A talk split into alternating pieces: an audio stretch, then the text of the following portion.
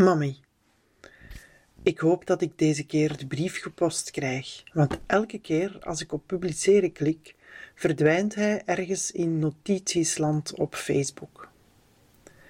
Ik ben in Pousseau. Ik lig op de grond, op exact dezelfde plek als 32 weken geleden. Toen lag ik doorheen de pijn en het verdriet te ademen, want jij was nog maar net dood. Nu probeer ik uit alle macht een potje vitamines op te rapen dat onder het bed is gerold, maar het glipt altijd uit mijn handen. Edward ligt deze keer niet te slapen. Hij krijgt wel de slappe lach bij het aanschouwen van mijn verwoede pogingen. Dat hij op zijn buik op bed ligt en ondersteboven kijkend aanwijzingen geeft, helpt ook niet. Integendeel, het zorgt alleen maar voor meer gelach en uiteindelijk geef ik het op. Morgen een nieuwe poging, zelfde plek, andere emotie. Nochtans leven er overal in dit huis herinneringen aan jou. Je wilde zo graag de plek zien waar Louis zo vol van is, en de plek waarvan Edward en ik op dat moment nog dachten ze te kopen. Tussen haakjes, het is één van de broers die het huis overnam van de ouders. Je wilde ook deel uitmaken van ons leven in Frankrijk. Ervaren wat het is om ergens te zijn waar de tijd is blijven stilstaan. Misschien heeft de tijd hier voor mij ook vijf dagen stilgestaan, fluisterde je bij je vertrek. Dat is dan vijf dagen gewonnen, zei ik terug. Eigenlijk was je te ziek. Je herstelde maar moeizaam van je chemokuren en plande korte trips zoals deze tussen twee beurten in. Een dag chemo, een week ziek, een week iets beter. Ik zorgde voor je en kookte gezond en verteerbaar eten. Jij hield je sterk en stond erop om elke dag een uitstap te maken. Laat me de streek maar zien, zei je tegen Edward en je genoot van elke seconde. Soms vergat je zelfs dat je ziek was. We dronken liters wijn, want dat was het enige dat geen metaalachtige nasmaak naliet in je mond. Ik dronk dapper mee, hoewel ik eigenlijk geen alcohol drink, of toch heel weinig.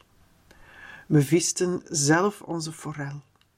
We schoten nog net geen hert. Inside joke. Sorry mensen. Maar we zagen ze wel vrolijk rondhuppelen aan de rand van de wei bij het avondschemer. De buizerd cirkelde boven het dak van het huis, aangevallen door een familie kraaien. Rudy ging op zoek naar de geheime gang die het kasteel met de abdij verbindt.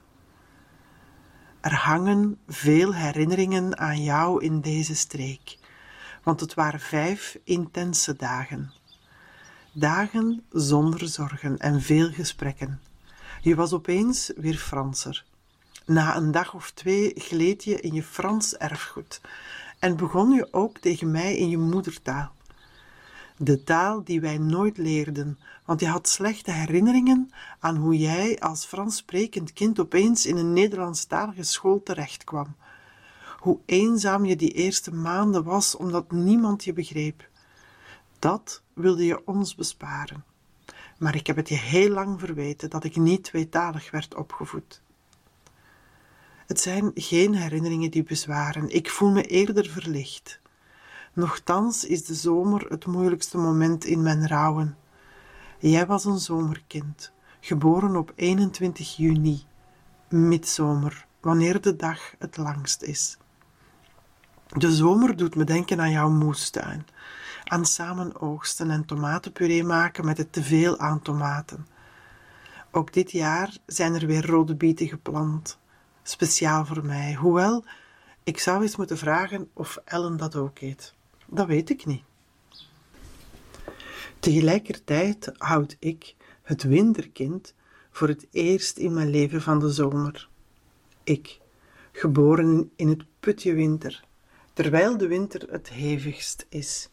Ik met mijn verlangen naar vriestemperaturen, die pas een jas aandoet als het onder de vijf graden gaat, die het gelukkigst is met donkere dagen en lange nachten, met dat speciale winterlicht wanneer de zon een dag hevig schijnt, die het liefst winterkleren aandoet, laagje na laagje, wollen truien, dikke sokken. Ik houd voor het eerst in mijn leven van de zomer, want de zomer verwarmt de koude in mijn hart.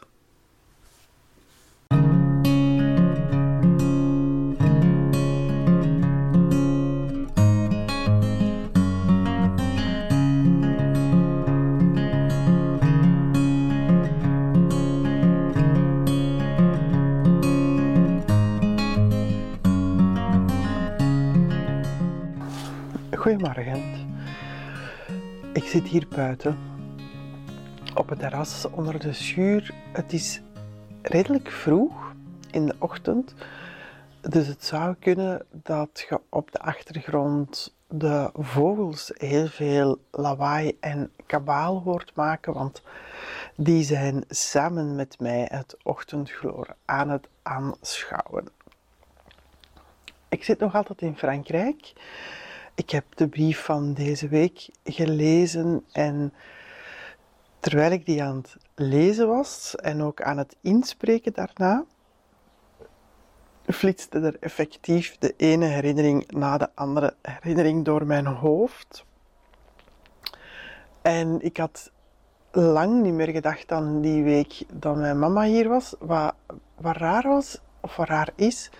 Want eigenlijk hangen hier in de streek in de Bourgogne, waar wij elk jaar toch een paar weken tot zelfs een maand of twee vertoeven, hangen er hier veel herinneringen aan mijn mama. Um, omdat zij dus inderdaad elke ochtend opnieuw aan Edward zei: Wat gaan we deze keer bezoeken? Waar gaan we vandaag naartoe? En naar Edward liever um, haar de hele streek heeft laten zien. Allee, Rudy was er ook bij natuurlijk, hè, maar Edward heeft hen de hele streek laten zien. Wijnstreek, uh, bijzonderheden, bezienswaardigheden, enzovoort, enzovoort. Het was een hele drukke week, um, maar dat maakt dat we inderdaad heel veel herinneringen hebben gemaakt doordat we overal naartoe zijn geweest en zoveel plekjes hier een fijne herinnering hebben aan haar. En zo was die week, zoals in haar, wat wij toen noemden haar goede week, maar ze had geen goede week. Ze was eigenlijk behoorlijk ziek van de chemo. En toch, op een of andere manier, konden we soms vergeten dat ze ziek was omdat ze zo genoot. En ze heeft mij achteraf ook gezegd dat ze dat ook wel heel fijn vond om zo'n hele week uh, ja, te worden, zoals zij dat dan zei. Dat de dagen bestonden uit vroeg opstaan, rustig de tijd hebben om wakker te worden, croissants eten, op uitstap gaan, ergens middags iets gaan eten, iets licht, een slaatje.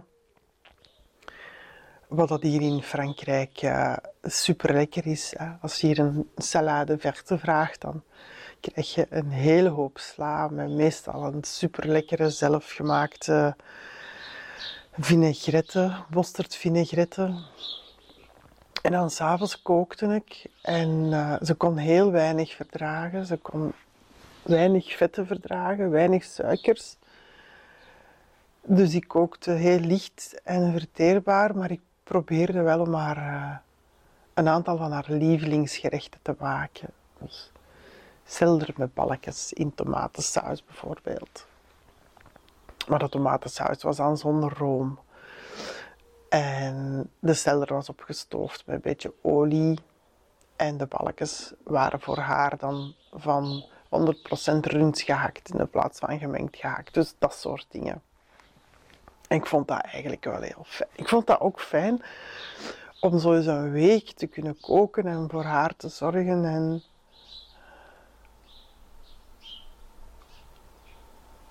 ja, dat is raar. Toen ik de brief las, was ik alleen maar blij. Maar nu ik dan drie jaar later eraan terugdenk, ja.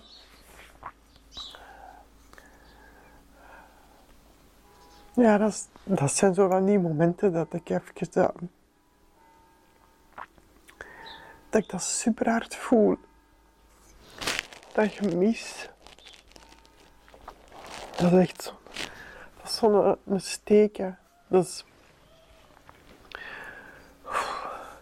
dat is zo'n keelpijn die ik dan krijg. Ik voel dat echt dat mijn keel dan dicht gaat. Dat, die, dat zo precies of die is wel top.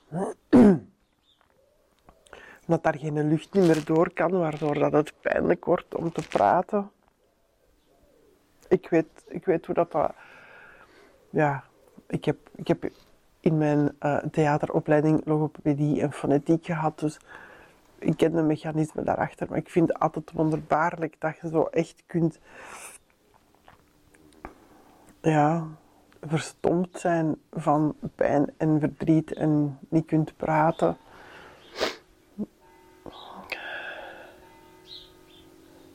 Het is, het is um, misschien is dat ook wel een van de redenen waarom ik het wel zo prettig vind om um, naar hier terug te komen, specifiek deze streek. Want wij zitten in de buurt van um, en dat is op de grens uh, tussen de La Région de Nièvre en de Yonne. Uh, in het hartje van de Bourgogne. Dus ik denk 12 kilometer verder begint de wijnstreek en de champagnestreek. We zitten een half uurtje rijden van Chablis, waar de witte wijn vandaan komt. Um,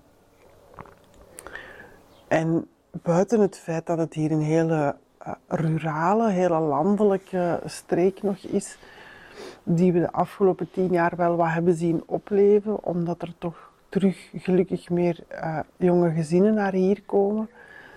Uh, buiten het feit dat het hier rustig is, um, dat de dagen hier effectief trager voorbij gaan, vind ik het ook zo fijn om naar hier te komen, omdat hier alleen maar goede herinneringen hangen aan mijn mama.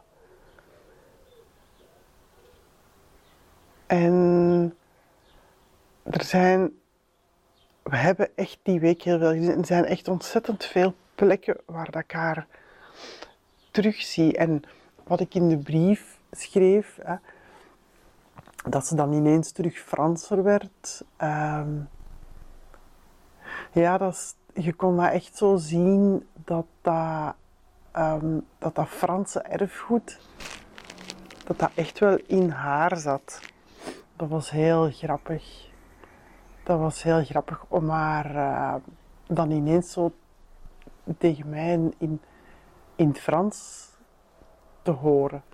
Dat ze dat vergat, dat ze eigenlijk al meer dan 50 jaar quasi alleen maar Nederlands sprak. En als ze dan ineens uh, haar uitleg in het Frans begon, wat ik gelukkig wel redelijk goed begrijp. Maar als ik dan probeerde te antwoorden in het Frans, dan bekeek ze mij zo heel raar. En dan zei ze, waarom antwoordde jij nu in het Frans? Zeg, omdat jij tegen mij in het Frans hebt begonnen. En dan heeft ze zelf ook wel toegegeven, als ze dan hoorde dat mijn Frans niet zo super vlot was, van, ik had misschien toch wel Frans moeten spreken met jullie. Ik had misschien toch niet zo koppig moeten zijn. Um, en ja, weet je, ik, jullie zouden sowieso tweetalig opgevoed zijn, omdat mijn vader dan toch Nederlandstalig was. Enfin, ja, dat zijn zo van die stomme herinneringen die dat ik heb aan haar. Dat maakt Frankrijk wel een bijzonder land um, voor mij. Nu dat ik daar zo over praat, denk ik dat dat misschien inderdaad een van de redenen is buiten het feit dat het hier een fantastische plek is, maar dat dat een van de redenen is die erbij is gekomen, die ervoor gezorgd hebben dat ik mij hier heel erg thuis voel. Ehm, voor mij is thuis waar dat mijn familie is. En voor mij is zij een stukje hier in Frankrijk. Op een hele leuke, positieve manier. Ik weet, niet ik weet eigenlijk niet of ik nog iets meer moet vertellen over die brief uh, van deze week. Ik denk het niet. Ik denk, ja, ik ga het houden bij het feit dat het drie jaar geleden een hele fijne week was. En dat die fijne week ervoor gezorgd heeft dat dit een zeer fijne plek is om naartoe te komen. Voilà, dit was uh, brief nummer 33. Tot volgende week.